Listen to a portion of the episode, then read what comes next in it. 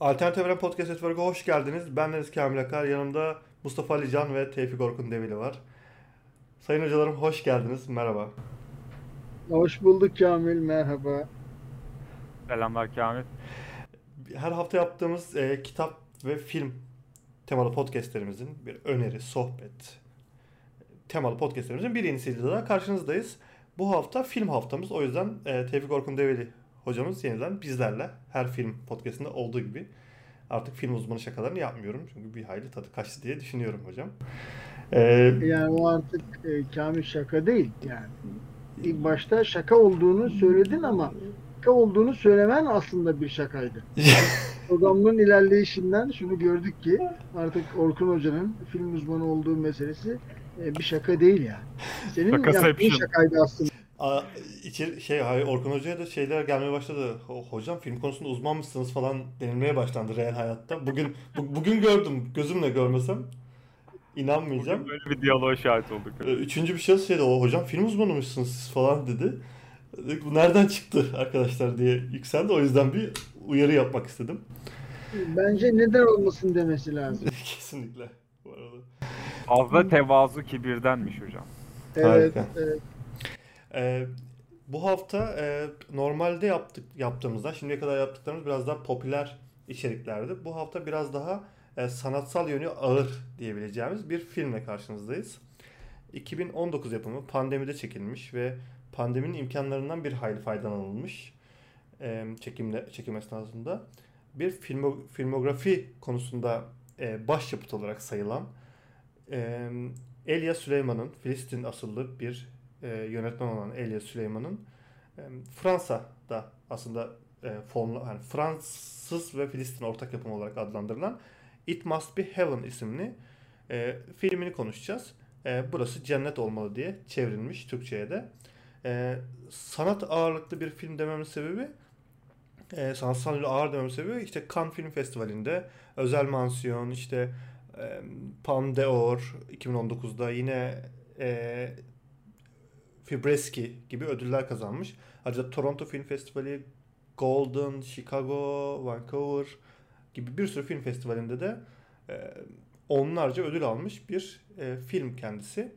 E, tabi biraz tartışmalı bir film bir yandan da. E, ben önce hocalarıma genel bir yorumla topu atıyorum.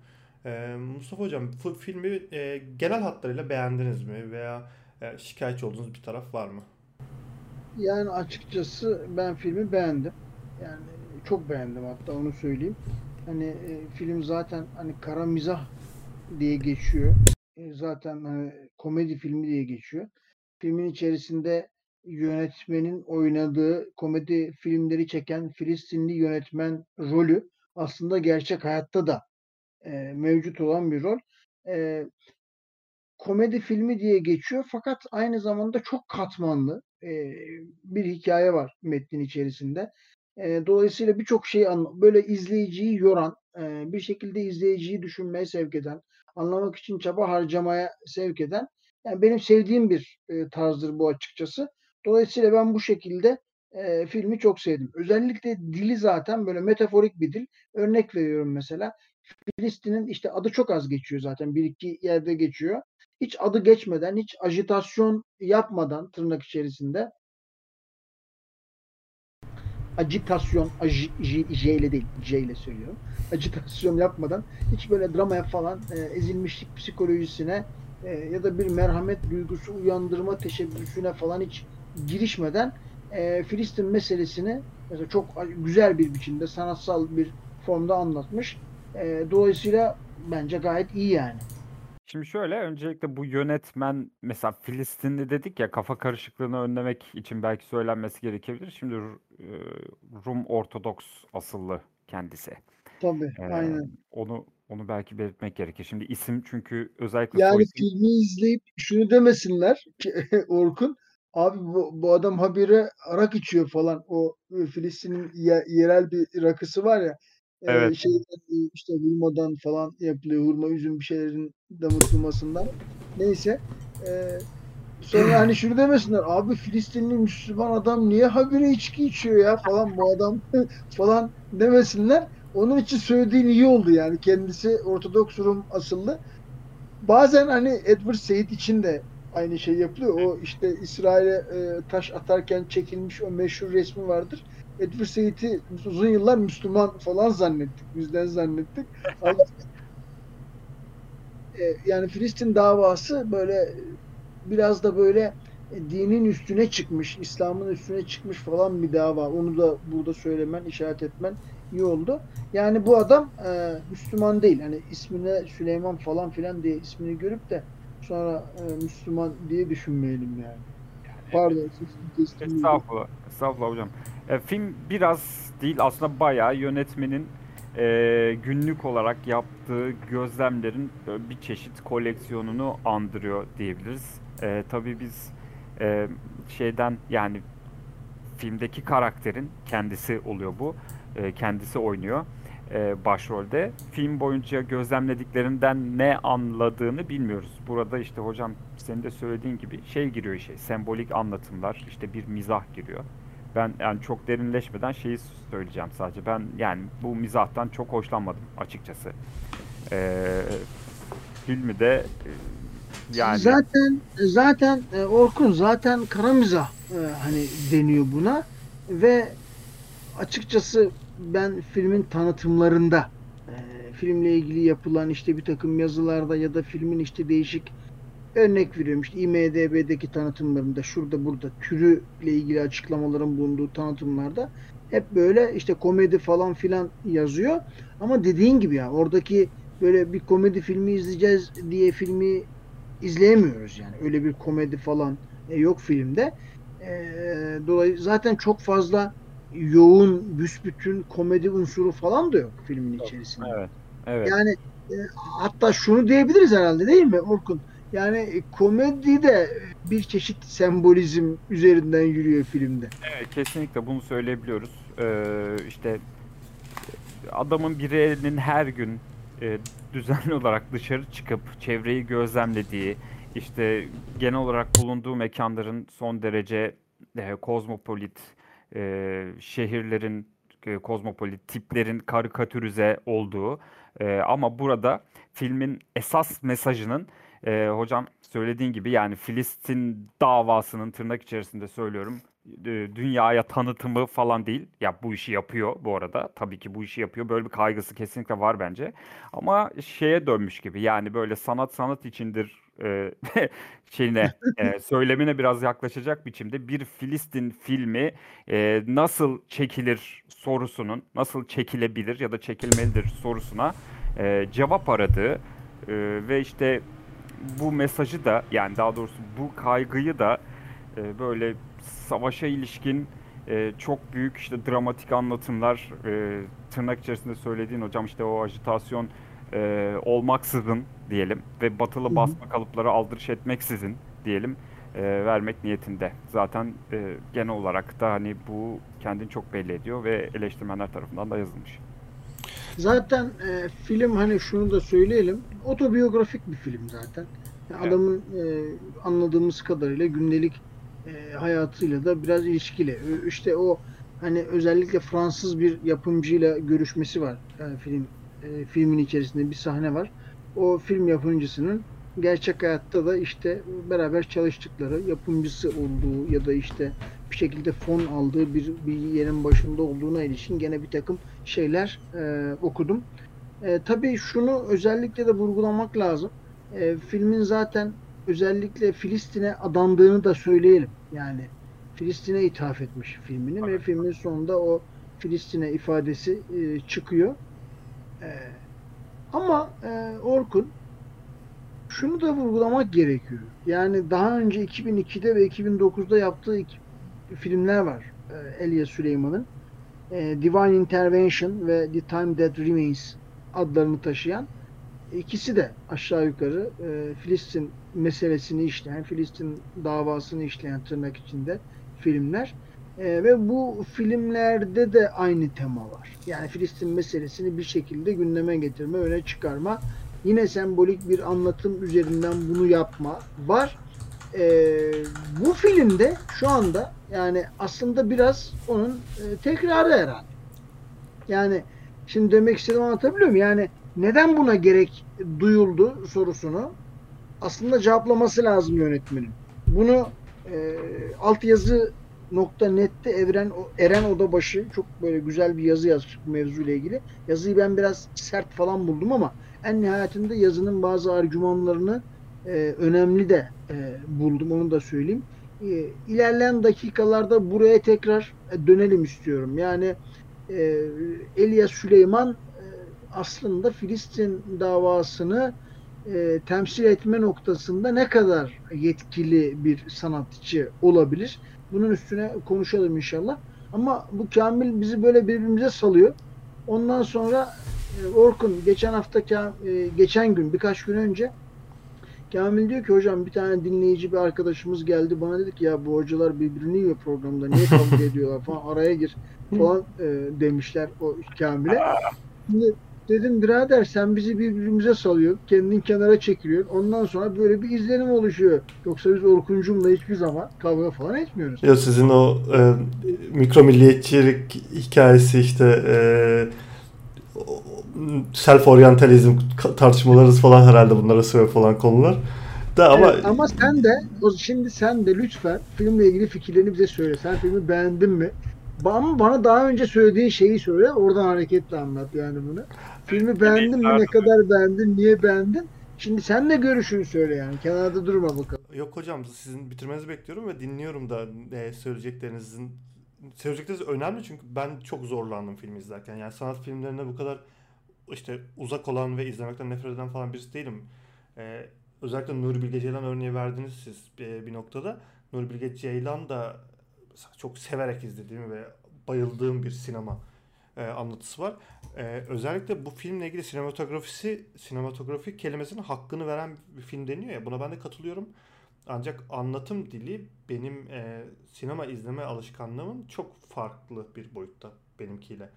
E, bu sebepten dolayı ben ikiye böldüm de izledim diziyi ve gerçekten çok sığ ve e, yüzeysel bir yorum olacak belki ama bu tür kara mizah denen ve anlatma yöntemi, seçtiği anlatma yöntemi açıkçası gerçekten bana uygun olmadı. Uygun bulmadım kendimi.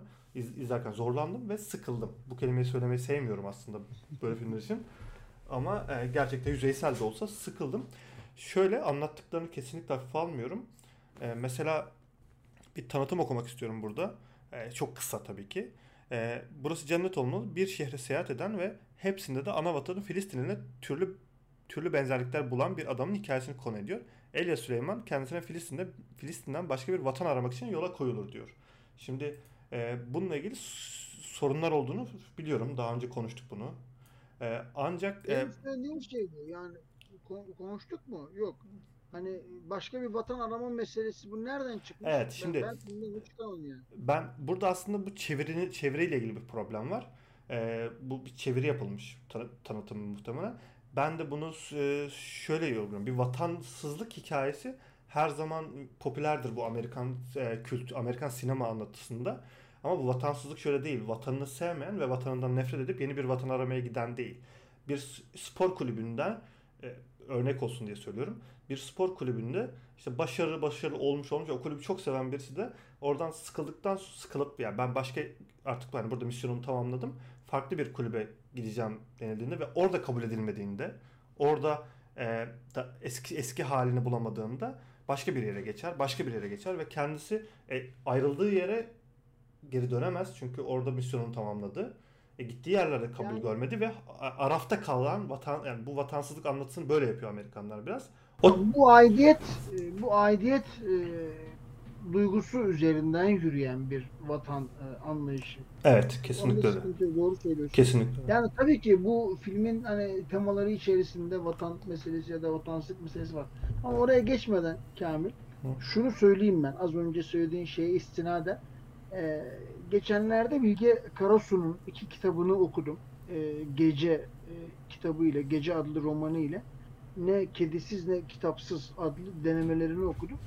E, Bilge Karasu'nun özellikle Gece adlı romanı ile ilgili mesela eğer bak bakarsanız tanıtım yazılarına bakın, isterseniz kitaba bakın falan. Hani e, metnin büsbütün çok büyük bir kesim tarafından büsbütün anlamsız. e, okunması mümkün olmayan e, bir şekilde işte ne anlattığını okuyucunun anlamadığı ya da anlamasının çok zor olduğu, mümkün olmadığı bir şekilde içerisinin yoğun imgelerle, şiirsel bin bir türlü göndermelerle dolu ancak yazarının kendisinin e, bilebileceği hatta yeri geldiği zaman onun bile bilemeyeceği e, bir takım içerikler ihtiva ettiğini e, söylüyorlar genel itibarla. Fakat ben metni tabii ki çok sevdim. Çünkü e, ben her zaman şöyle bakıyorum. Ha, gerek e, kitaplara, gerek işte görsel metinler diyebileceğimiz işte filmlere, sinemaya falan e, genel itibarla şu şekilde bakıyorum. Bizim aslında e, temelde bir alışkanlığımız var. Yani kategorik olarak hepimizin e, doğuştan gelmese bile muhtemelen e, büyüme sürecinde, eğitim hayatımızda, gündelik hayatımızda falan vesaire edindiğimiz bir şey bu. E, her şeyi kronolojik olarak algılamak birincisi yani anlamlandırmak ve anlatıyı her zaman bir kronoloji hattı üzerine kurmak. E, bir diğer e, bir diğer mesele ise neden sonuç ilişkisini tabulaştırmak. Yani nedenlerin ve sonuçların çok önemli olduğunu her zaman düşünmek ve onların peşinden koşmak. Halbuki aslında biz böyle bir takım metinlere bakarken hem görsel metinlere hem kitap metinlerine diyelim şöyle anı izleyen bir izleyici gibi görüp idrak etmeyi de aslında öğrenmemiz gerekiyor. Yani birincisi bu.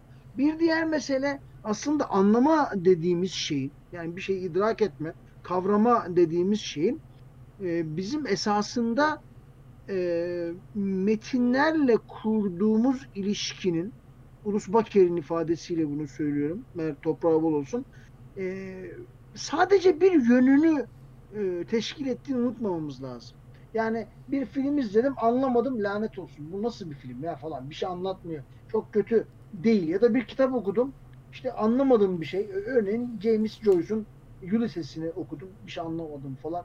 Lan böyle kitap mı olur ya? İşte adam oturmuş saçmalamış sonra da buna kitap demiş falan. Hani bu değil mesele.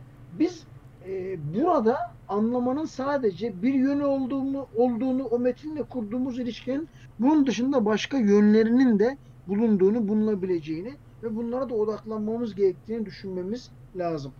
Doğrusu filmi izlerken Kamil'in bahsettiği duyguya ben de kapıldım ve bir anlamda e, kendi kendime hep bunu telkin ettim. Yani dedim ki e, yazar belki de senin düşündüğün anlamda bir yerden başlayıp bir yere giden bir hikaye anlatmıyor. Belki de kopuk kopuk birbiri içerisine geçmiş. Belki de sadece anlar ve o anlar üzerine kurulu bir takım anlamlar ama birbirleriyle ilişkisi olmayan ya da sembolik ilişkileri olan bir takım anlamlar yığını oluşturmayı özellikle seçmiştir. Bakın mesela filmde bir sahne var hatırlar mısınız? Bir türbenin önünde iki tane polis dürbünle bir yere bakıyorlar falan gülüyorlar milyolar. Öbür tarafta işte bir tane sarhoş var. Önce işte bira, bira içiyor. Sonra bira şişesini türbeye atıyor. Sonra gidiyor türbenin duvarına işiyor falan. Arkada başka kadın, yaşlı kadınlar, yaşlı bir kadın var falan. Şimdi dikkat ederseniz orada ne bu? Yani ne anlatıyor yani burada? Aslında üç tane farklı görüntüyü, üç tane farklı sinematofik sahneyi birden e, bizim şeyimize sunuyor. E, gözlemimize ya da izlemimize sunuyor.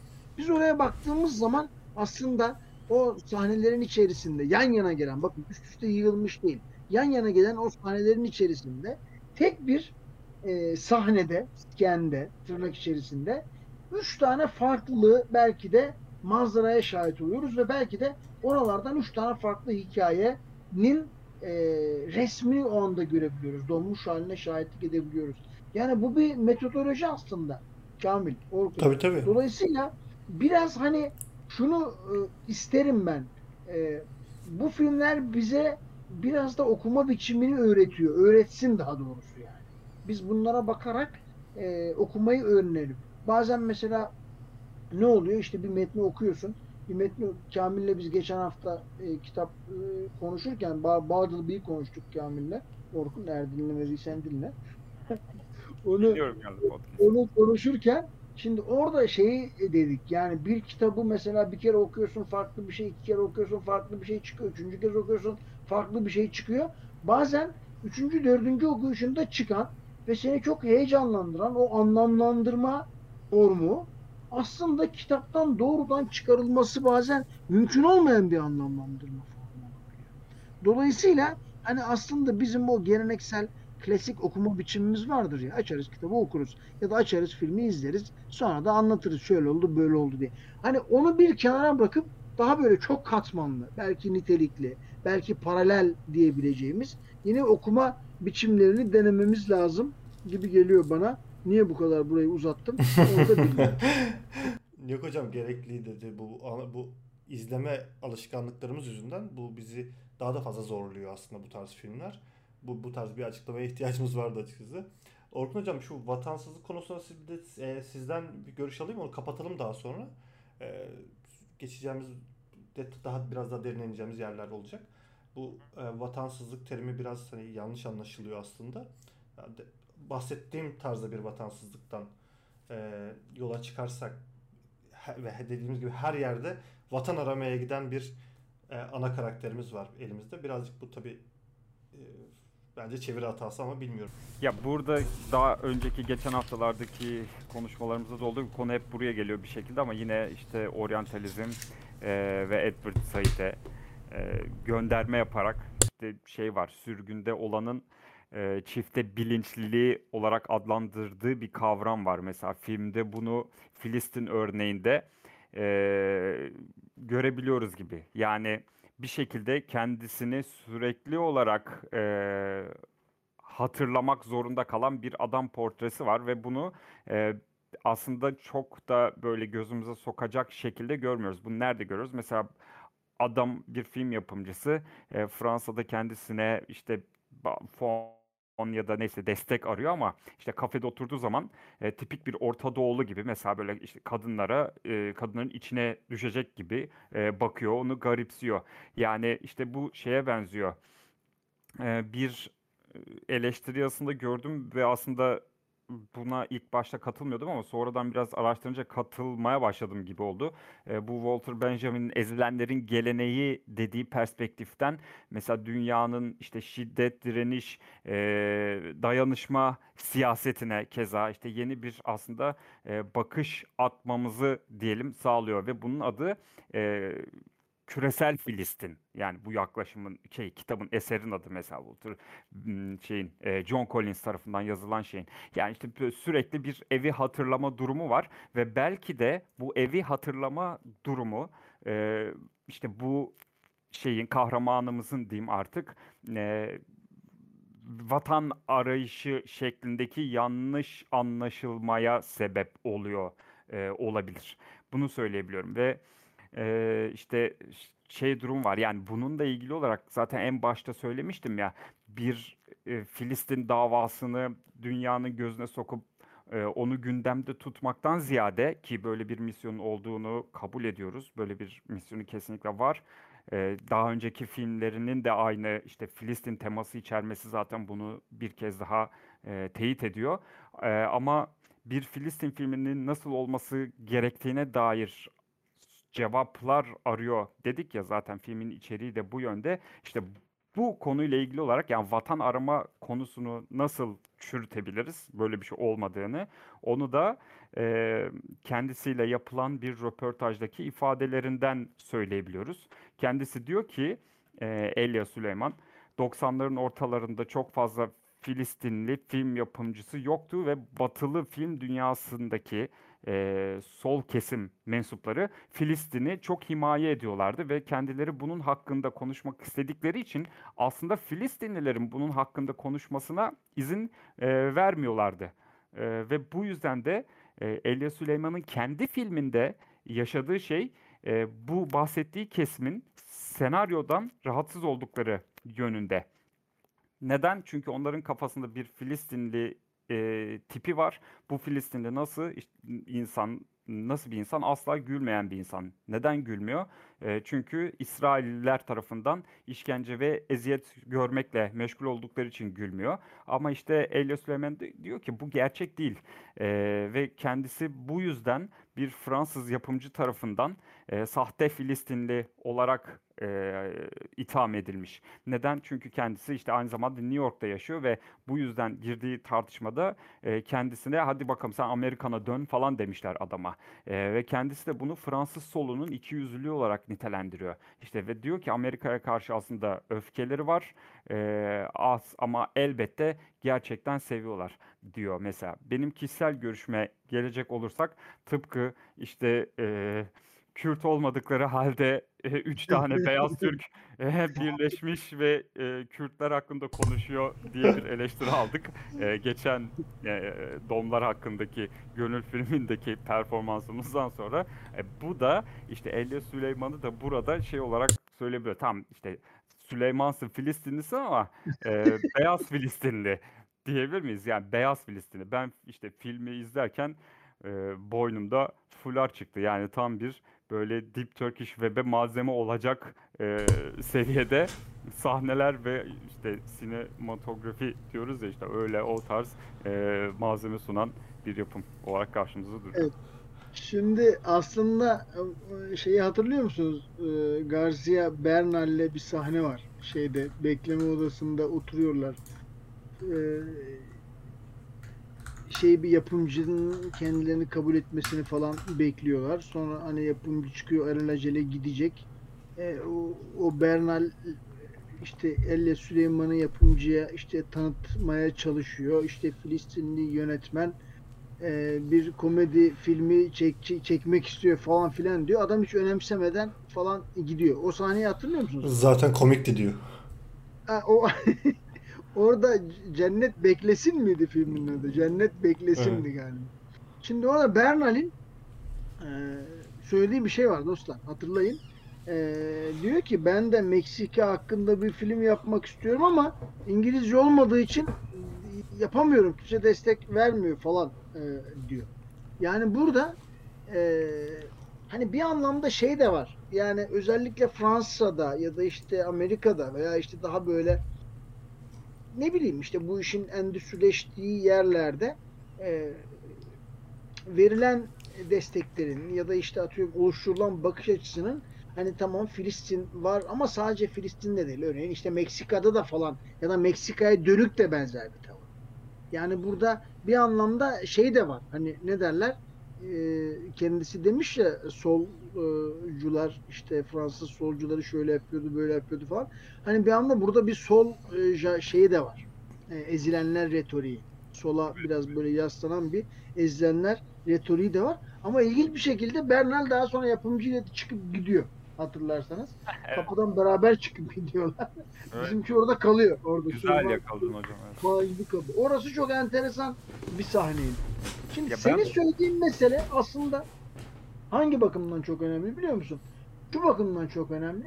Şimdi bu adam zaten Filistin'de yaşayan bir adam değil.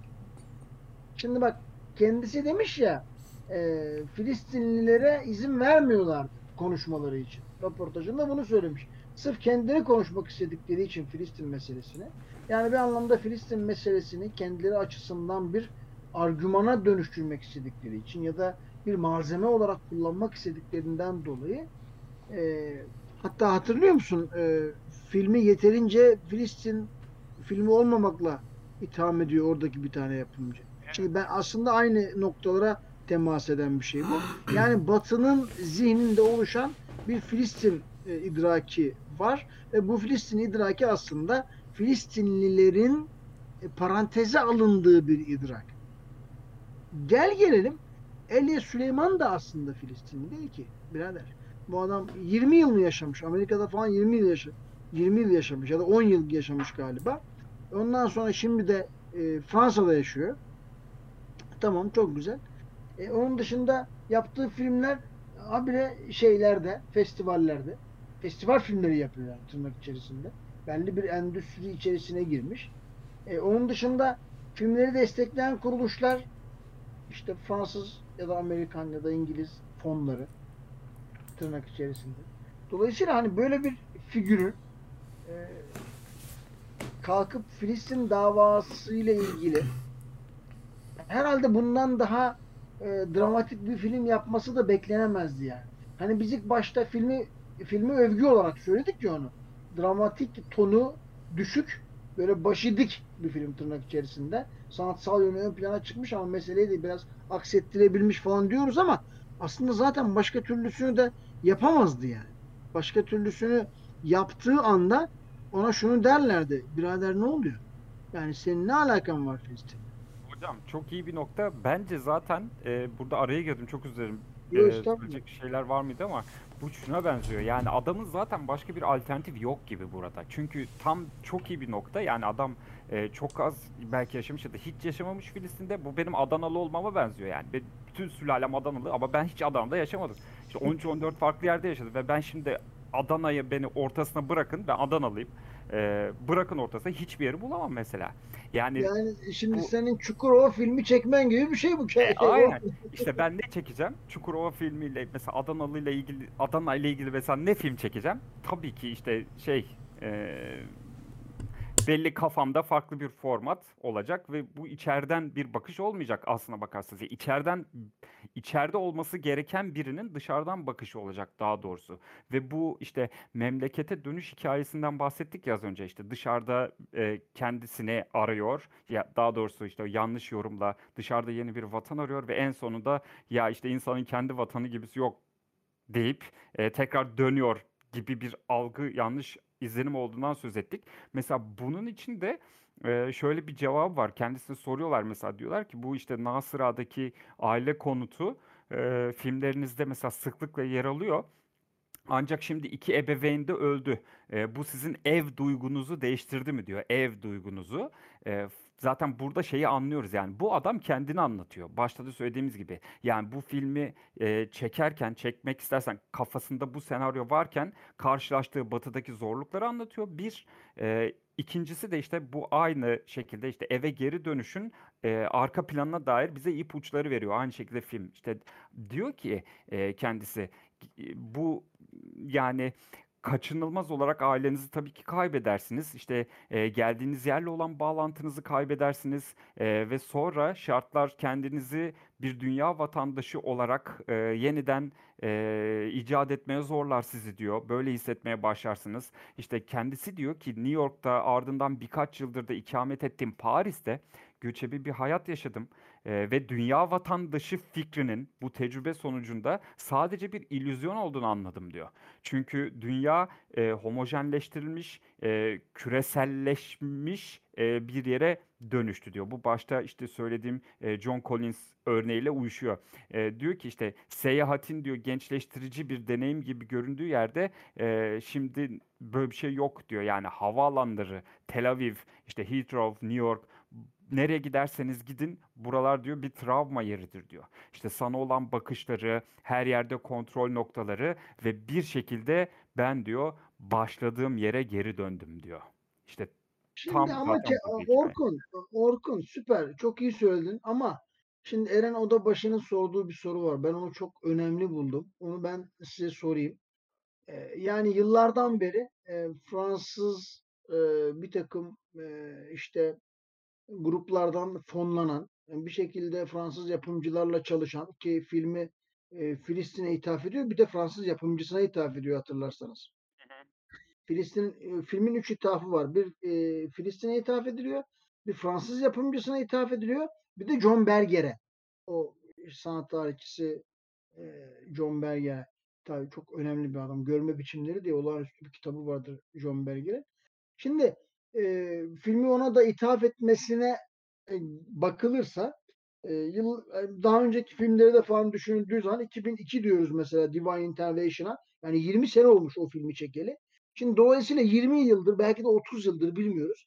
E, Fransız sinema formlarından fonlarından beslenen e, oradan fonlanan bir yönetmenin e, buradan aldığı fonlarla birlikte kanda aranan bir yönetmen oluyor. Ödüller alıyor falan. Çok övülüyor mesela. E, şimdi böyle bir yönetmenin kalkıp Fransa'da Filistinli bir yönetmene destek vermeyen işte tırnak içerisinde lanet olası solcu grupların olduğundan falan bahsetmesi ya da Fransız solculuğunun e, aslında Filistin e, davasını önemsemediğini, kendi kafasında başka bir Filistin kurguladığını ve Filistinli bir yönetmene destek vermediğini söylemesinde böyle bir, bir, bir, bir sıkıntı var yani. Bir çelişki var burada. Bu politik bir şeye benziyor. Yani daha doğrusu pragmatik bir karar olabilir. Yani bu dönüş en azından. E, tamam ama şimdi en nihayetinde bugün e, dünya sineması açısından baktığımız zaman yani Filistin sineması diyebileceğimiz yerin kapsadığı yer ne kadar? Doğrusu çok kıs küçük bir yer yani. Ve bu? Filiz- bu Filistin sinemasında Elle Süleyman'ın kapsadığı yer ne kadar? E, büyük bir yer yani. Yani ben Filistin sineması e, ya da Elle Süleyman sineması dediğim zaman aşağı yukarı aynı şeyleri kastediyor olabilirim yani. O derece e, bir o Filistin sinemasıyla e, özdeşleşme durumu var aşağı yukarı. Tırnak içinde söylüyorum. Şimdi, do- şimdi dolayısıyla e, burada şunu gözetmemiz lazım. E, sevgili Elia Süleyman deriz biz ona. Vermişler işte destek. Yani Filistinli bir e, yönetmenin filmine destek vermiş Fransız yapımcı ve sen filmini ona ithaf etmişsin. Kanda ciddi ödüller almış. Çok ciddi övülmüşsün. Hatta sana demişler ki bizim iki yüzlülüğümüzü çok zarif, naif bir şekilde e, yüzümüze vuran, e, anımıza falan küfretmeden bizi utandıran bir yönetmen olduğu için teşekkür ederiz falan. Tırnak içinde, mealen yani. Böyle bir şey de demişler. Hani Batının burada senin secdesi. filminin burada senin filminin argümanı biraz zarar görmüyor mu falan diye sorulabilir yani kendisine. Bu tam Batı'nın işte bu SJV kafasının son zamanlarda giderek yükselişe geçen kafanın eee, güzel bir şeyi yansıması gibi yani bizim iki yüzlüğümüzü Şimdi aynen bak e, bugün aklıma geldi benim derste falan e, konuşuyordum çocuklarla. Ben i- 2000'li yılların başında Ege Üniversitesi'nde okudum. Biliyorsunuz. E, o zamanlar e, üniversitenin kampüsü curcuna gibiydi tamam mı Orkun, Kamil? Yani e, örnek veriyorum Abdullah Öcalan posteri asanlar vardı. Yılda 2-3 defa grup yorum konseri oluyordu. İşte DHKPC'nin yayın organları bilmem ne. Yani böyle bin bir türlü sol fraksiyonun tamam mı? En radikalinden en böyle e, tatlı su solcularına kadar bin bir türlü sol fraksiyonun yuvası gibi bir yerdi o zaman Ege Üniversitesi. Dolayısıyla kampüsün içerisinde böyle o kadar çok akıllara zarar işler dönüyordu ki halaylar çekiliyor, posterler asılıyor, afişler falan filan. Ve polis de giremiyordu. O dönemlerde kampüslere polislerin girmesi falan da yasaktı. Öyle bir şeyler falan vardı. Şimdi bugün e, aklıma şu geldi. Yani bu e, bir şekilde yani ideolojik halay dediğimiz şimdi Orkun, şimdi e, ben halay kelimesinden sonra tabii akıllara zarar dedim ama şimdi halay kelimesi tabii ki halay değil akıllara zarar olan. E, yani hiçbir müzik çalmadan böyle meydanda işte e, PKK bayrağını şey sancağını falan o paçavrayı neyse onu asıp Abdullah Öcalan'ın posterini iplerle çam ağaçları arasında sarkıtıp altında hiçbir müzik olmadan bak hiçbir müzik olmadan böyle halay çeken grupları düşünün. Biz buna ideolojik halay derdik biz orada öğrenciyken. Şimdi Abi- ben ideolojik halaydan bahsediyorum. Kulaklıkla verilen partiler var ya böyle sessiz partiler. Aynen. Aslında böyle dışarıdan bakıyorsun ya ne oluyor falan hani. Sen mevzuyu anlamıyorsun. Aslında bak orada da simgesel bir anlatım olarak düşünebilir yani. Filmi oradan da bağlayabilir. Şimdi ben şey düşünüyordum. Ee, diyordum ki arkadaş ne alakası var ya? Yani nedir yani bu niye buna müdahale etmiyor kimse? Polis gelmiyor, devlet gelmiyor falan. Sonuçta Öcalan'ın posterleri burada çocukları bir şekilde ifade ediyorlar. Dağa mağa göndermeye çalışıyorlar, bir şey yapıyorlar falan. Sonra şunu fark ettim Orkun. Orası aslında e, özellikle devletin ya da işte ne bileyim ilgili kurumların onlara zaten muhtemelen o ideolojik alay çeken 20 kişiden 12-13 tanesi zaten şeydi muhbir, polis falan bunlar oluyordu. Şimdi onlara hadi burası senin alanın burada sen çelik çomak oyna. O özgürlük duygunu da bir şekilde yaşayarak burada çelik çomak oyna dedikleri alandı orası. Şimdi aklıma bunu getirdi senin az önce söylediğin. Yani bir anlamda e, Batı'nın e, bir alan göstererek hadi bu alan içerisinde sen e, çelik çomak oyna falan demesi gibi bir şey bu yani. Şimdi biraz filmin e, e, konusuna döneceğim ben müsaadenizle. Çünkü çünkü çok fazla metaforik anlatım var dedik ve bunlardan bahsetmedik. E, o bahsetmezsek biraz zayıf kalacak gibi o taraf. E, ben Tamam. e, sözünüzü balla kesiyorum. Çünkü e, daha gider orası. E. Şöyle e, bir- birkaç tane sorun var aslında. Şimdi az önce bahsettiklerinizin üzerine e, yorumlar yapacağım. Onları e, toparlayacağım aslında birazcık. Şimdi e, bir Filistin an, Filistin anlatan Filistinli tırnak içerisinde bir e, yönetmenin anlattığı bir filmde görmemizi bekledi, görmeyi beklediğimiz çok bariz şeyler var. Öncelikle İsrail Filistin meselesini görmeyi bekleriz. Herkes bunu bekler doğal olarak. Birkaç yerde şöyle bir eleştiri gördüm.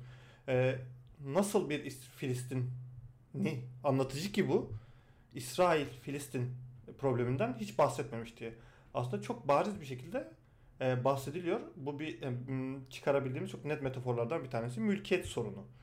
E, bunu böyle başlıklandıran e, kişi de Büşra Soylu isimli bir yazar.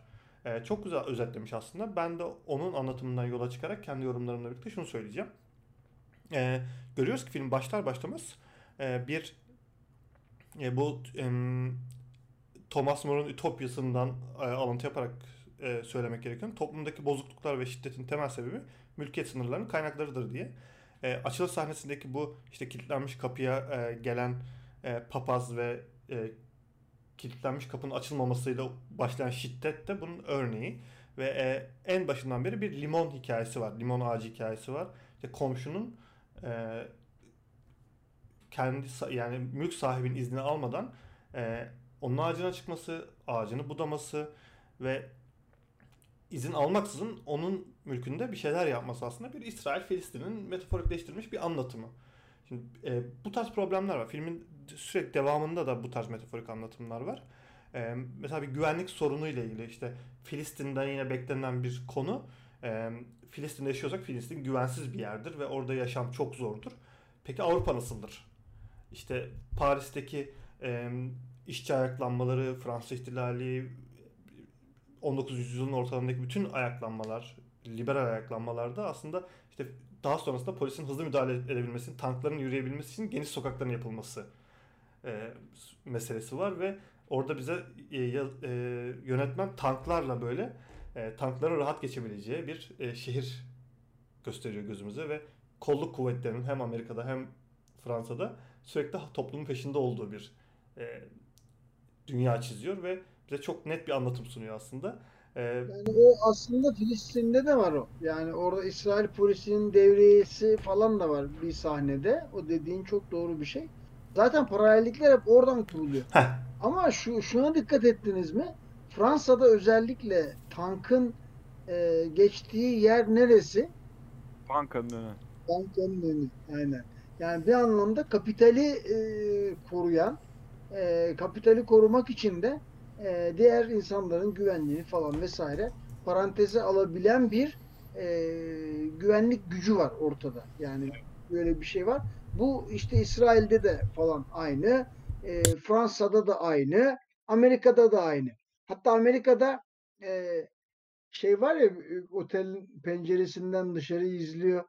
E, çocuğun biri koşarak geliyor arkasından polisler geliyor. Elinde silah var. Silahı arabanın altına atıyor. Sonra kaçıp gidiyor. İşte birkaç gün sonra araba oradan gidince silah ortaya çıkıyor falan. Ya da bir başka sahnede Amerika'da işte insanlar makineli tüfeklerle dolaşıyorlar. Herkesin elinde makineli tüfekler falan falan. Aslında bunlar tabii ki hep e, metafor. Yani Filistin'de gördüğümüz güvenlik probleminin, Filistin'de ya da işte İsrail ve Filistin arasında yaşanan bu gerilimin bir şekilde bambaşka hatlar üzerinden e, Batı dünyasında da yaşandığını, oraların da buralardan çok farklı olmadığını falan e, söylüyor. işte Nasra'da Nasra'da eli sopalı gezen insanlar var. Amerika'da bireysel silahlanmış insanlar var aslında. Yani tüm sahnelerde bize şeyi söylüyor. Modern ve ideal topluma e, bu şekilde idealize edemeyiz yani. Kafamızdaki gibi idealize edemeyiz. Dediğiniz gibi bütün dünyanın her yeri aslında benzer problemlerle karşı karşı karşıya ve bu güvenlik sorunu ve bu mülkiyet sorunu herkesin en küçük bireyden en Ama, büyüğe kadar ama cinlik var. Ama cinlik var. Onu da söyleyelim. E, o Kamil. Nasıl cinlik var? Şimdi özellikle Filistin'deki mülkiyet meselesinin ya da Filistin'deki güvenlik meselesinin kaynakları ile, altyapısı ve arka planı ile örneğin Amerika'dakinin ya da işte Türkiye'dekinin falan e, arka planı, altyapısı falan aynı değil. Aslında bu çok önemli bir nokta biliyor musunuz? Yani bu önemli nokta hiç öne çıkarılmadan e, yine bir şekilde arada paralellik kurulmasını e, doğrusu birazcık daha şey yapmak lazım. E, yani bir anda Filistin meselesini falan evet e, gündeme getirme ideali var ve başarılmış. Ama bir yandan da sanki şey yok mu? Ee, ya sıkıntı yok. Her yer böyle zaten. Ya oralar da öyle falan. Normalleştirme var değil mi? bir yandan da sanki bir şekilde hani no, ya Amerika'da böyle kardeşim sıkıntı yok falan. Hatta dikkat ederseniz şeyi hatırlıyorsanız kuş sahnesi var. Kuş pencereden girer falan. İşte kuşla çok iyi anlaşır. İşte araları iyi olur. Kuşu sever mever. Sonra bir süre sonra kuş bunu rahatsız eder. Kuşu kovar. Orada da mesela o da bir hani metaforik bir sahne. Filistinlilerin işte e, ya da başka bir takım mültecilerin Avrupa'ya ya da başka yerlere işte göç etmeleri ilk başta kendilerine kucak açılması fakat bir süre sonra rahatsızlık duyulup işte kovulmaya çalışılmaları falan meselesi işlenmiş. Şimdi orada da bir problem var. Filistinlilere diyor ki gelmeyin buraya. Yani burada sıkıntı var bak burada sıkıntı yaşarsınız. E sen oradasın. Tabii. Ben bir de bunun şey olduğunu düşünüyorum. Bu arada e, var mıydı ben araya girdim. Yani. Yok hocam buyurun. Yok yani. E, şeyle ilgili yani normalleştirme tabii bu bir bakış açısı olabilir. Bir diğer bakış açısı bu bahsettiğimiz işte e, sol Fransız soluyla olan ilişkileri bağlamındaki yorumlardan hareketle polis kavramına özel bir parantez açıldığı ve açılması gerektiğine ilişkin. Çünkü sol hareket her zaman e, hele ki çağımızda polisle doğrudan sorunu olan e, siyasi işte e, ya da aktivist, politika aktivistlere e, mensup. E, dolayısıyla şimdi burada polise yoğun eleştiri dozunun olması biraz da bence oraya göz kırpmakla ilgili bir şey. Çünkü işte bunlar sanki her yerde olduğu gibi e, hatta belki biraz böyle aptal gibi e, gösteriliyor. İşte mesela Batı'da demokrasi ülkesi olmasına rağmen işte Amerika Birleşik Devletleri vücuduna mesela özgür Filistin yazan e, aktivist kadını örtmek için e, bütün polisler seferber oluyor mesela. Herkesin caddede yürürken makinalı tüfek taşıdığı bir yerde e, bir kadının e, meme ucundan korkan bir güvenlik teşkilatı var. Yani koca bir New York var ve e, bu segment mesela oldukça e, net görünüyor. Ya da işte diyorum ya polis yine her zaman her yerdeki polis işte elinde e, birayla Fransa'da metroya binmeye çalışan işte ırkçı görünümlü serseri kılıklı adamı hiç kimse görmüyor. E, ama aynı yerde kimseye zarar verme ihtimali olmayan ve elinde pazar çantaları bulunan yaşlı bir kadın 6-7 tane polis tarafından adım adım takip ediliyor. Belki de şehrin bu kadar boş olmasının sebebi bu. Yani e, bu bu boşluk e, hem böyle bir otoriter e, algının e, var olduğunu, üslubun var olduğunu e, belki de biraz heyecan eksikliğine de aslında e, gönderme yapıyor. Yani işte bakın burası da öyle bir hamşam değil. İstisnalar dışında her şey çok nizami e, ama işte bu hayatın heyecanı meyecanı yok diye biliyoruz mesela. Çünkü sanki polis robotlaşmış yani e, şey gibi e, işte batıda patenlerin, tekerlerin falan üzerinde gidiyorlar böyle garip araçların üzerinde gidiyorlar. İşte doğuda tam tersi ya da e, otobandaki İsrailli polisler mesela nasıl göründüklerinden başka kimseyi umursamıyorlar ama arkadaki kör kadın işte o kahramanımıza doğru başını falan e, çeviriyor. Ya da bu az önce e, konuşmanın başında, programın başında Mustafa Hocam söylemişti. Namusuyla para kazanmak isteyen adamın malına çöken polisler var. E, bunlar dürbün gibi bir şeyle baktıkları halde işte sokakta duvara işleyen hatta sonunda e, içki şişesini o duvarda parçalayarak kanunu çiğneyen adamı e, görmezden geliyorlar ya da işte görmüyorlar falan gibi. Yani bu biraz da e, şey gibi o sol çevreleri göz kırpmak gibi geldi. Şu internette için nerede okudum bilmiyorum da şey gördüm. Bu hani e, iki polisin arabada e, götürdüğü, gözleri kapalı götürdükleri kadın sahnesini hatırlıyor musunuz? Onun İsrail polisi e, götürüyor onu. İsrail polisi götürüyor. O kadının Orta Doğu'yu falan simgeleyebileceğine ilişkin bir yazı okudum. Çok hoşuma gitti. benim. Hocam Onunla şöyle. Hocam şöyle ben tam ona gelecektim. Şimdi benim notlarımdaki üçüncü mesele de e, kadın meselesi aslında. E, şimdi şöyle e, kadınların üzerinde bir baskı söz konusu ve yine de yine aynı şeyi yapıyor aslında yönetmen burada. Nasıl güvenlik sorununda şöyle yapıyorsa işte yani orada burada bir İsrail problemi var ama orada da bireysel silahlanma var. Yani her yerde aynıyız bizi yapıyor ya aslında. E, kadın meselesi güvenlik sorunu var diyor. Tabii. Kadın meselesinde de aynısını yapıyor aslında. Çünkü şöyle yapıyor. işte e, Filistin tarafında işte gözleri bağlı götürülen kadın e, veya abisinin yanında yemek yerken e, abi, abilerinin tahakkümünde kalmış bir kadın figürü ve çok net bir baskı işte kültürel sebeplerden veya dini sebeplerden bir baskı altında kalan kadını simgelerken Paris'e geçtiğimiz anda ilk sahne nedir? İşte e, Paris'in en işlek caddesinde mini eteklerle yürüyen işte sıfır beden olarak tabir edilen mükemmel fizikli ve kadın figürleri bir sürü. E, ve otelin penceresinde beklerken de karşıda işte defile videoları vesaire izlerken yani tüm mankenler, podyum yürüyen herkes böyle sıfır beden kadınlarken mağazayı temizlemek için gelen e, kadın çalışan ise e, işte kısa boylu, kilolu bir kadın. Burada da şunu anlatmaya çalışıyor e, deniliyor. İşte kapital sistemdeki üretimin devamlılığı için ön koşul hep her zaman tüketimin sürekliliğidir ya. İşte bu mesele gibi burada da kadının üzerindeki bu e, kapital toplum kadına bir e, güzellik algısı yaratmış ve bu da Avrupa'daki kadının kaderi. Hani kadınlık meselesine de buradan yaklaşmış. Oradaki kadın baskı altında işte gözleri kapalı götürülürken Avrupa'daki kadın ise e, kapital düzenin e, ve tüketimin sürekliliği yüzünden bir sınır ve baskı altında yaşıyor ve hani o o kadının hayatı da çok kötü. Tabii aynen öyle. Dediğin gibi yani bir, bir şekilde hepsinin bir muadili var. Yani e, Filistin'de yaşanan bir kötülük varsa bunun muadili orada da var, burada da var. Mesela şöyle aslında oraya geleceğiz birazdan da. Şimdi bak New York'a gidiyor, Paris'e gidiyor. Şimdi aslında bunlar da simgesel yerler bir anlamda. Nereler buralar?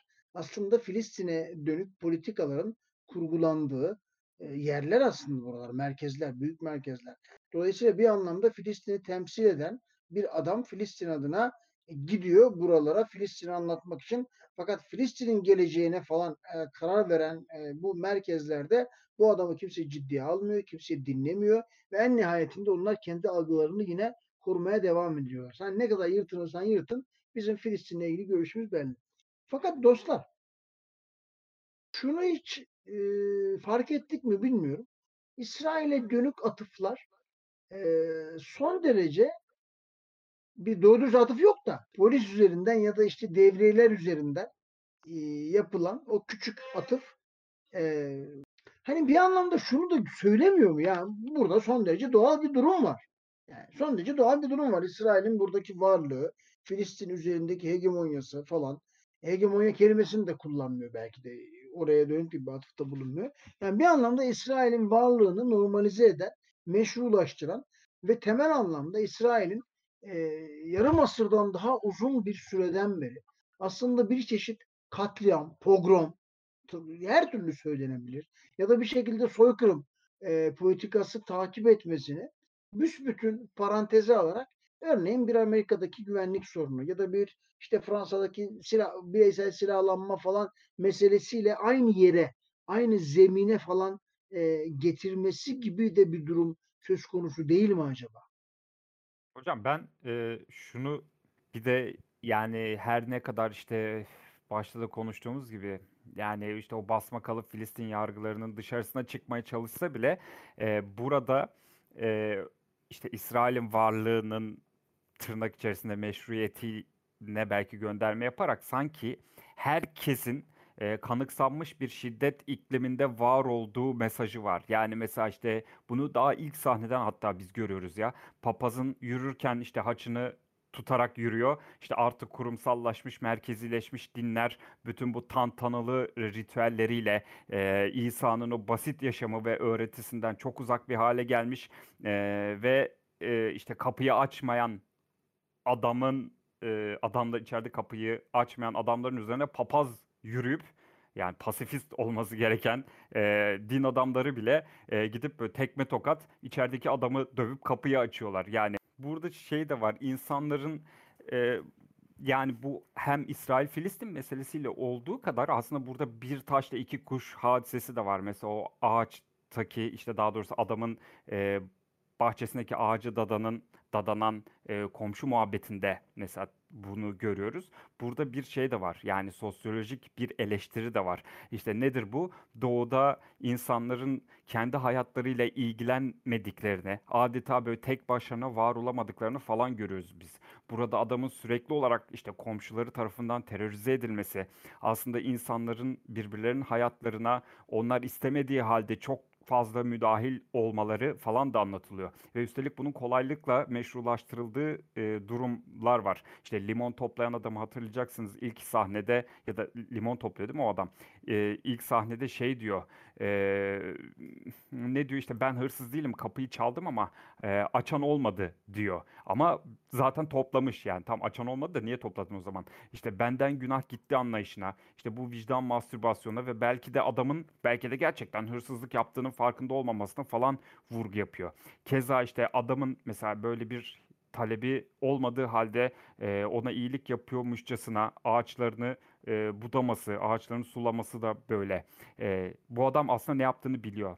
Ne yaptığını biliyor çünkü adam aşağı indiğinde bu adam hemen toz oluyor. Kaçıyor yani. Ama ne oluyor? Vazgeçmiyor. Ertesi gün gelip adamın bahçesini suluyor. Yani sanki işte toprağında gözü e, varmış gibi. Tabii Peki, evet yani orada gönderiyor. Peki Orkun Hocam, şimdi Süleyman'ın balkondan böyle çaktırmadan gizli gizli gözlemesine ne diyorsun? İsrail'in e, pasifize olmuş, pardon Filistin'in pasifize olmuş bir yansıması mı? Bana biraz öyle geldi. Yani e, gelip orada işte evlere çöken bir İsrail var, İsrailliler var, Yahudiler var.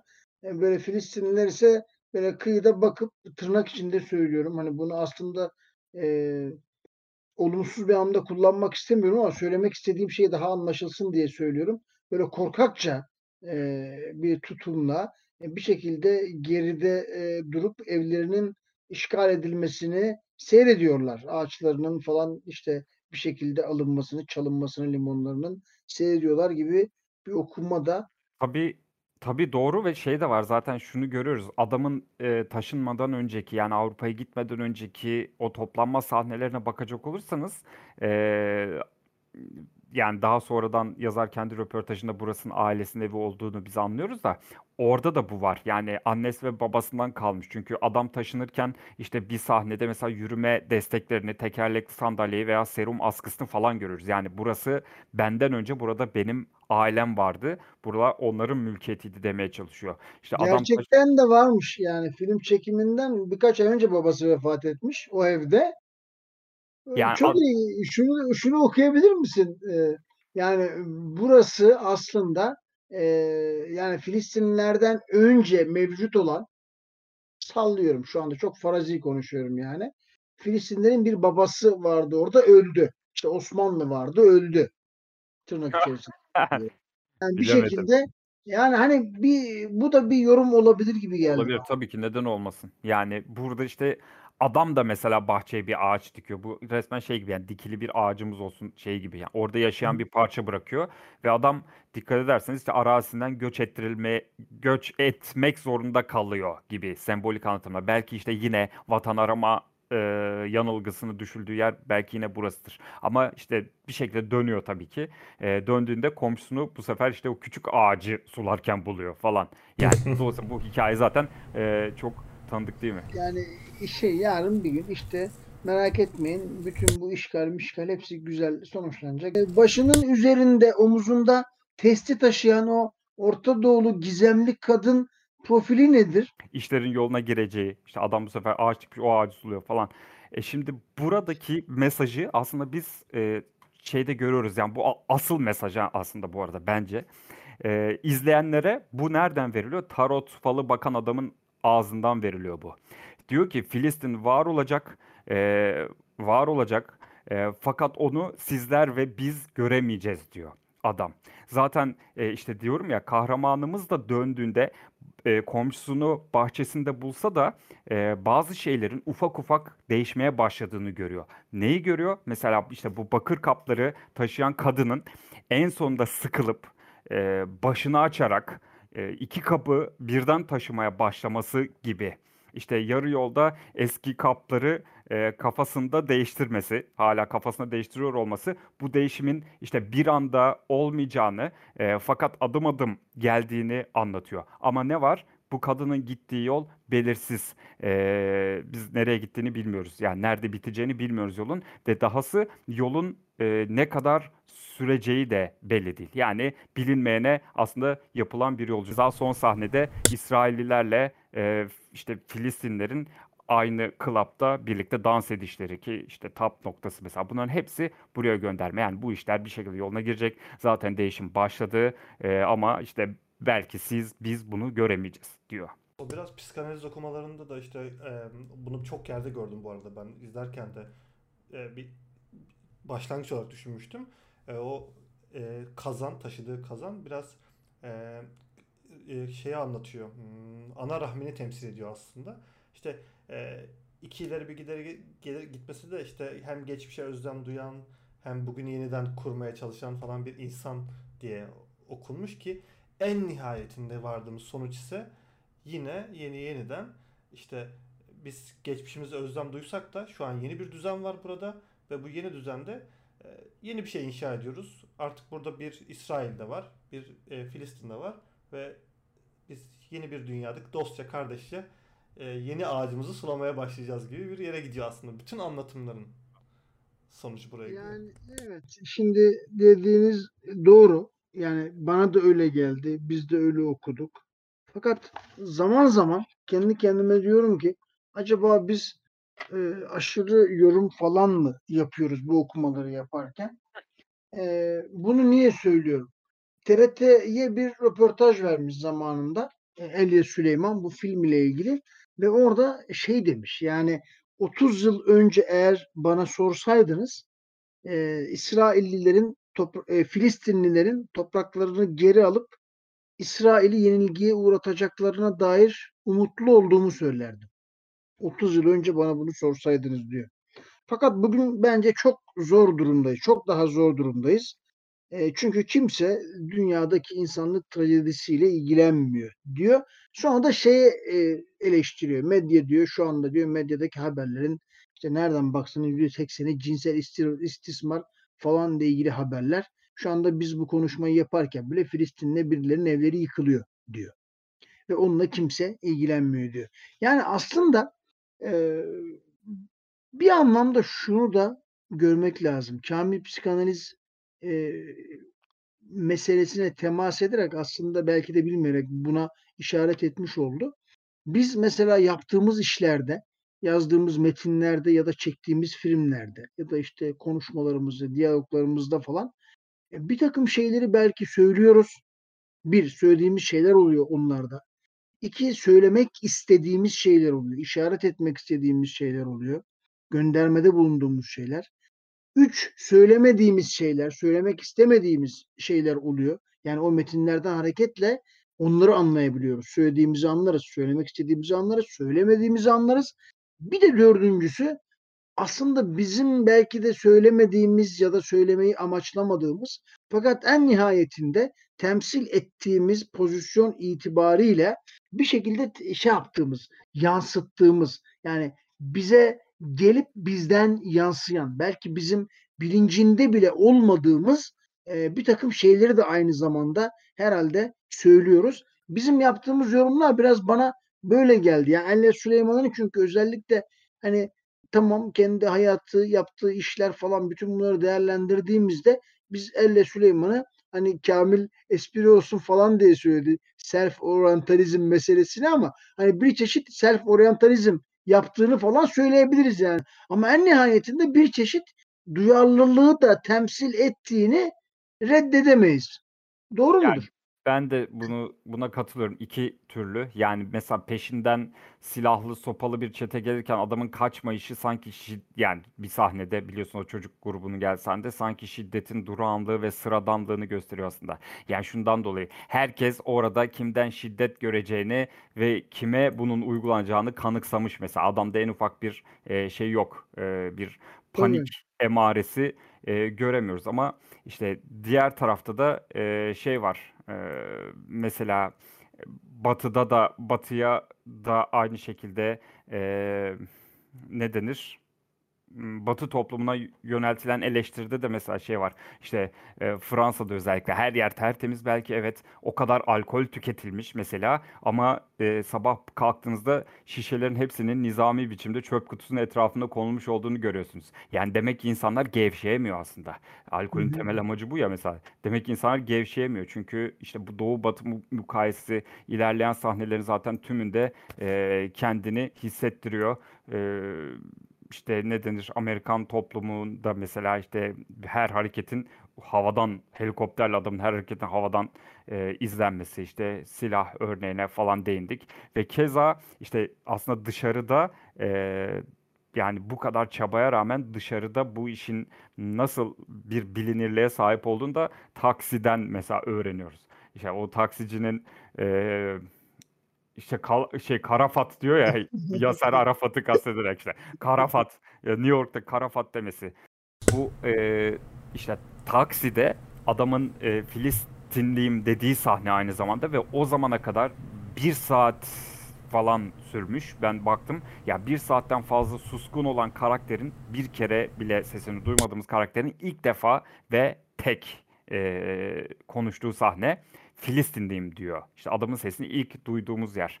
Ee, ve keza bu taksicinin işte Karafat deyişi e, dediğim gibi Batı'nın bu konuya ilişkin e, aslında ne kadar bilgi sahibi olduğunu Batı kamuoyunun en azından gösteriyor ve şeyi de söylemek istiyorum. Mesela kahramanın katıldığı film atölyesinde ki aslında buranın bir üniversite dersliği falan olduğunu görüyoruz. İçleri buna dair e, bilgisizliğin işte ya da farkında olmayışın diyeyim ne raddeye geldiğini mesela ya da farklılık adına saçmalıkların doğal karşılandığı işte dersin hocasının sorduğu soru da mesela bir o kadar saçma işte e, bu ünlü bir yönetmen arkadaşı tabii biliyorsunuz E, şey diyor göçebe kökleriniz varken işte solmakta olan bir ülkeye yani işte yerleşik hayata e, olan bu tutkunuzu nasıl açıklıyorsunuz falan gibi böyle bir soru soruyor.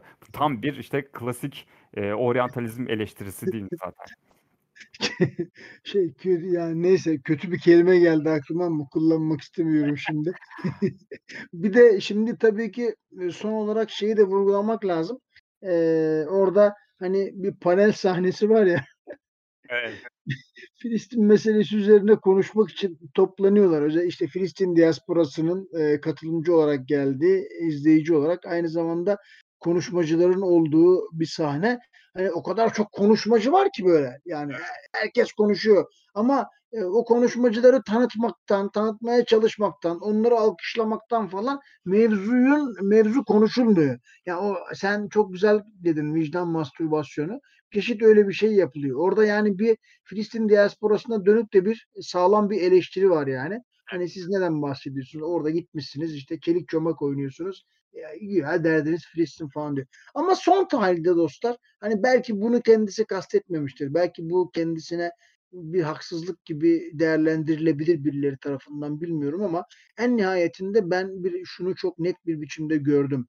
E, Elia Süleyman e, bu filmde özellikle gerek Fransa'da gerek işte Amerika'da gerek Filistin'de bir şekilde e, siyasi iktidarı e, anonimleştirerek bir şekilde ortaklaştırarak bir şekilde birbirlerine paralel yapılar halinde sunarak e, tas tamam İsrail'in e, varlığını meşrulaştıran bir e, usul izliyor orada.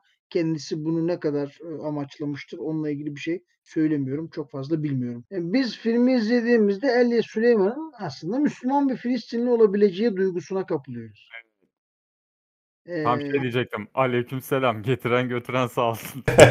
hatta hatta mesela komşuları dikkat ederseniz Yahudi değil filmde. Hristiyan. E, tırnak içinde yani çok farklı okuma biçimlerine artık çok müsait bir film. Aslında bu sanatsal anlamda bu metnin ne kadar kuvvetli olduğunu da gösteriyor. Ne kadar iyi bir metin olduğunu da gösteriyor. Onu da söyleyerek herhalde Kamil epeyce uzattık herhalde. Hocam ama ben başlangıçta şey başlangıçta şöyle düşünmüştüm. Yalan söylemeyeyim şimdi. Ee, ben 3 üç, 3'e böldüm. Bir mülkiyet sorunu, güvenlik problemleri ve birkaç tane metafordan konuşuruz. Ya hatta üzerinde ne konuşacağız acaba diye düşünmüştüm. O kadar lezzetli bir yere gitti ki ben bir yandan gözüm sürede sürekli sol tarafta. Yani bitmesini de istiyorum. Konuşacağımız şeyler de var ama e, bir yerde kapatmamız gerekiyor. Çok uzun oldu. Yormayalım dinleyicilerimizi de. Ee, en uzun programlardan biri oldu bu herhalde. Evet yani evet. Bunu üzerine biz konuşmaya devam edersek Edward Said'den, oryantalizmden falan filan e, o işin içinden çıkamayız zaten. Kesinlikle. Dolayısıyla e, şey yapalım. E, burada artık bitirelim bence. Orkun Hocam eklemek istediğiniz bir şey varsa onu da alayım ve kapatalım. Evet, burada yönetmenin genel olarak Roy Anderson, Jack Tati ve Buster Keaton'dan etkilendiği konusunda mesela herkes evet, o kesinlikle gerekiyor. Ee, şey olayı var. İşte bir şeyleri unutmak için değil, hatırlamak için içmek konusuyla ilgili olarak bir şey demişti. Belki de Covid tarafından normal hayatımızdan bu kadar uzun süre işte sürgün edildikten sonra hatırlamak için de içiyoruz işte erkek kadın bakışı üzerine sert tartışmaların olduğu bir çağdaki bunu biz filmdeki o abileri tarafından restoranda eşlik edilen e, kadında da görüyoruz. İşte Evliya Süleyman'ın e, bu çılgın, çelişkili dünyamıza karşı kararlı insan bakışını işte göz önüne sergiliyor gibi ve e, işte Elya'nın hayatında İsrail ile Filistin'in e, yeniden birleşmesi diyelim kafası var. Ve bunu da herhalde sonunda bu gençlerin başarması gereken bir şey olarak e, bunu görüyor. Ve son sahnede de gördüğü, gördüğü gördüğümüz gibi bahsettik. İşte bir taraf diğer tarafla özgür bir şekilde dans ediyorsa bunun tartışılacak hiçbir tarafı yok. İşte bizler İsrailliyiz, Filistinliyiz ve yönetmen herhalde diyor ki ben bir taraf seçmiyorum. Sadece işte insanların birlikte yaşamalarını ve bir, birbirlerini sevmelerini istiyorum diyor. Ama işte şeyi unutmamak gerekiyor. Bak tekrar tekrar altını çizmek çok önemli. Yani biz bu yorumları yap yaptık. Biraz olumsuz da çok fazla olumsuz da konuştuk. E, yönetmen hakkında. Ama yönetmenin Hristiyan olduğunu unutmamamız lazım. Tabii, Çünkü tabii. Filistin davası dediğimiz mevzu e, genel anlamda bizim idrakimizde bir takım İslami bir temeller üzerine kurulu bir dava bizim gözümüzde. Dolayısıyla biz mesela şimdi kalkıp Elye Süleyman'ın e, ya işte bu yarın bir gün ikisi birleşsin İsrail ve Filistin e, ve bu gençler bir arada olsunlar aynı paplarda takılsınlar eğlensinler falan demesi bize e, bizim aklımıza hemen şunu getirir. Tamam olsun ama kim olacak iktidarda? Devleti kim yönetecek falan? Hocam, biz sosyal bilimlerci olduğumuz için tabii. Biz bunu biz bunu deriz. Hani Müslüman olarak biz bunu söylüyoruz. Onun altını çizelim biz. Müslüman olduğumuz için, yani kültürel anlamda Müslüman olduğumuz için bu coğrafyada Filistin sorunuyla temas etme hattımız İslami bir çerçeve olduğundan dolayı biz bu soruyu soruyoruz. Fakat e, yönetmenin Hristiyan olduğunu hatırlarsak eğer ya da unutmazsak eğer biz bu değerlendirmelerimizi yaparken e, aslında onun e, bu İsrail'in varlığını kanıksaması tabi yerindeyse ya da kanıksanmış bir gerçek olarak İsrail'i ortaya konması, sunması ve yarın bir gün Filistinler ve İsrailler arasında bir barış olabileceğini, bir kaynaşma olabileceğini, bir birlikte yaşama kültürünün oluşabileceğini falan e, tırnak içerisinde umabilmiş olması bir anlamda onun e, bu Hristiyan olması, batıda yaşaması e, ve biraz da self oryantalizm yapabilmesi, yapmasıyla alakalı bir şey.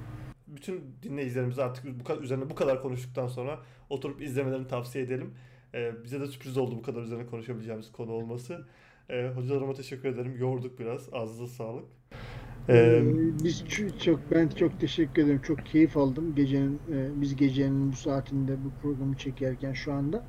E, bence bizim programımız filmden daha keyifli. Gayet e, iyi oldu. E, ben teşekkür ediyorum. Sizlere de teşekkür ediyorum.